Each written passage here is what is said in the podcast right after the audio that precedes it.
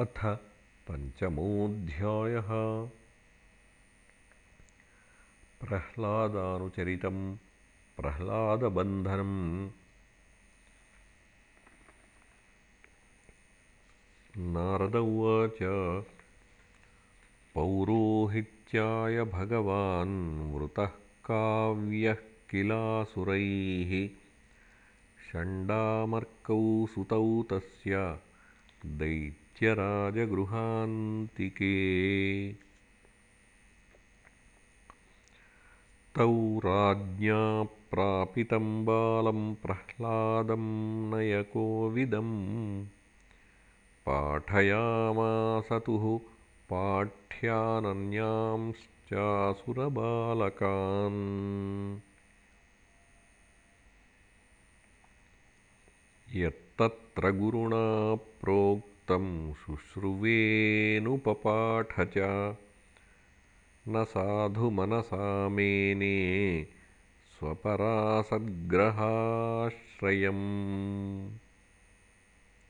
एकदासुरराट्पुत्रमङ्कमारोप्य पाण्डव पप्रच्छकथ्यतां वत्स मन्यते साधु यद्भवान् प्रह्लाद उवाच तत्साधु मन्ये सुरवर्यदेहिनाम् सदा समुद्विग्नधियामसद्ग्रहात्।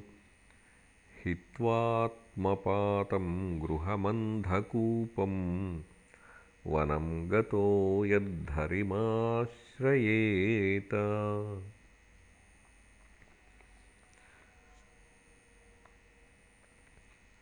नारद उवाच। श्रुत्वा पुत्रगिरो दैत्यः परपक्षसमाहिताः। जहासबुद्धिर्बालानां भिद्यते परबुद्धिभिः। सम्यग्विधार्यतां बालो गुरुगेहे द्विजातिभिः विष्णुपक्षैः प्रतिच्छन्नैर्न भिद्येतास्य धीर्यथा।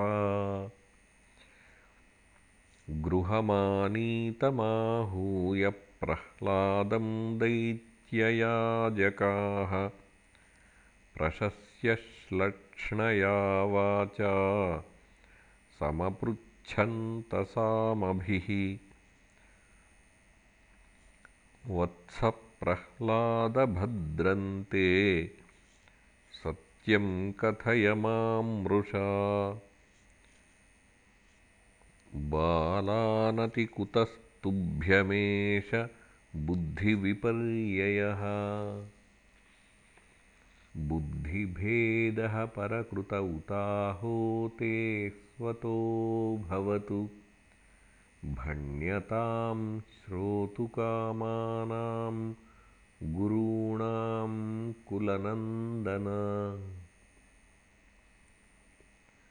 प्रह्लाद उवाच परः स्वश्चेत्यसद्ग्राहः पुंसां यन्मायया कृतः विमोहितधियां दृष्टस्तस्मै भगवते नमः। स यदानुवृतः पुंसां पशुबुद्धिर्विभिद्यते। अन्य एष तथान्योऽहमिति भेदगता सती। स एष आत्मा स्वपरेत्यबुद्धिभिः दुरत्ययानुक्रमणो निरूप्यते यद्वर्त्मनि वेदवादिनो ब्रह्मादयो ह्येष भिनत्ति मे मतिम्।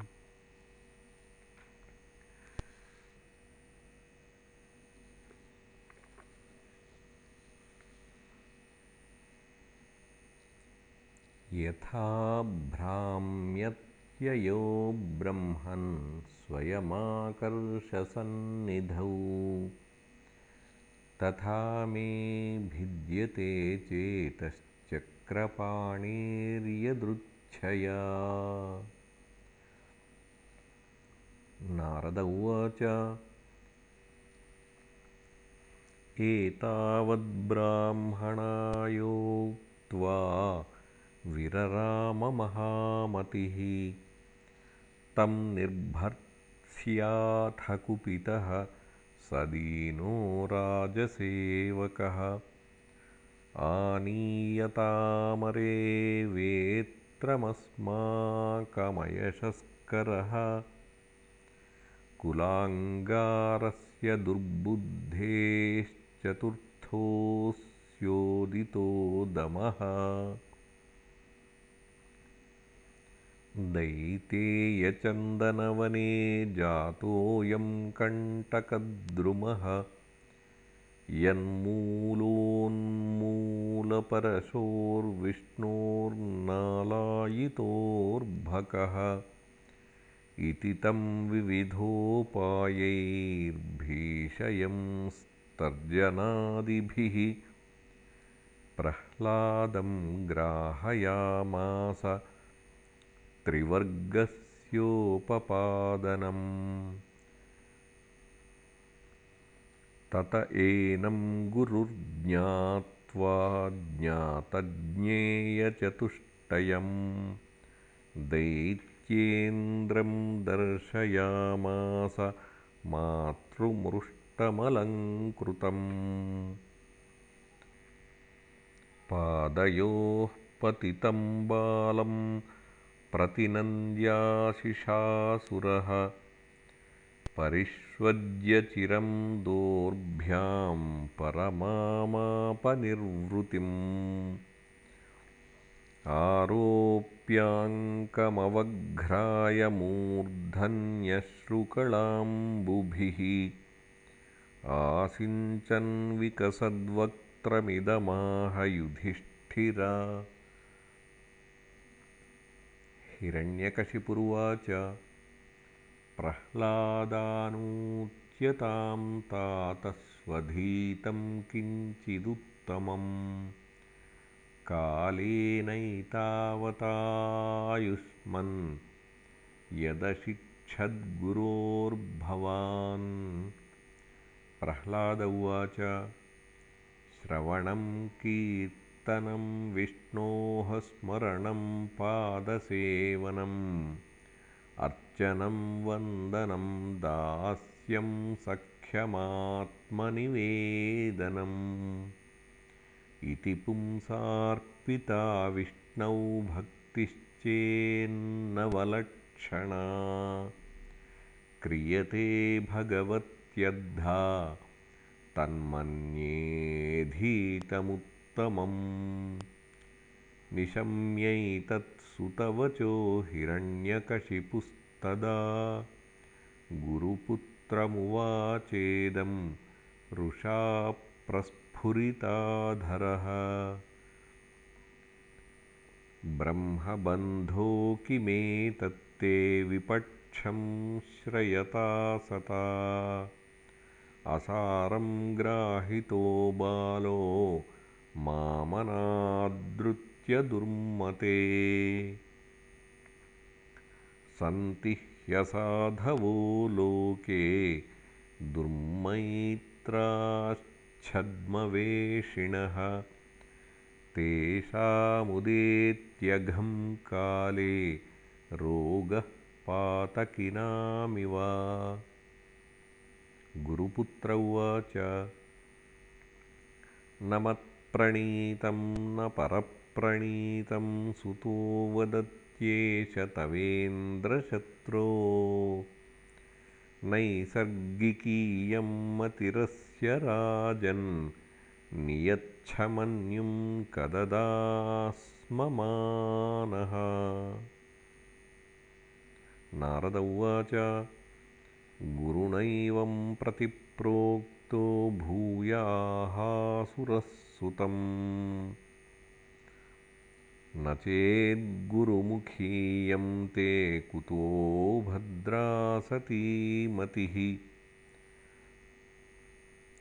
प्रह्लाद उवाच मतिर्न कृष्णे परतस्वतो वा मिथोऽभिपद्येत गृहव्रतानाम् अदान्तगोभिर्विशतां तमिस्रं पुनः पुनश्चर्वितचर्वणानाम्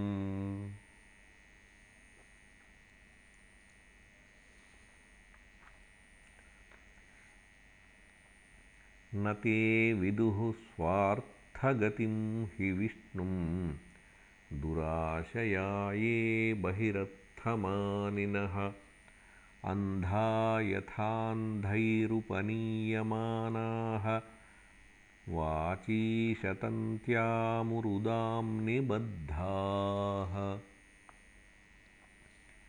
नैषां मतिस्तावदुरुक्रमाङ्घ्रिं स्पृशत्यनर्थापगमो यदर्थः। महीयसां पादरजोऽभिषेकम् निष्किञ्चनानां न वृणीत यावत्। इत्युक्त्वोपरतं पुत्रं हिरण्यकशिपूरुषा अन्धीकृतात्मा स्वोत्सङ्गान्निरस्यत महीतले। आहामर्षरुषाविष्टः कषायीभूतलोचनः वध्यतामाश्वयं वध्यो निःसारयतनैरृताः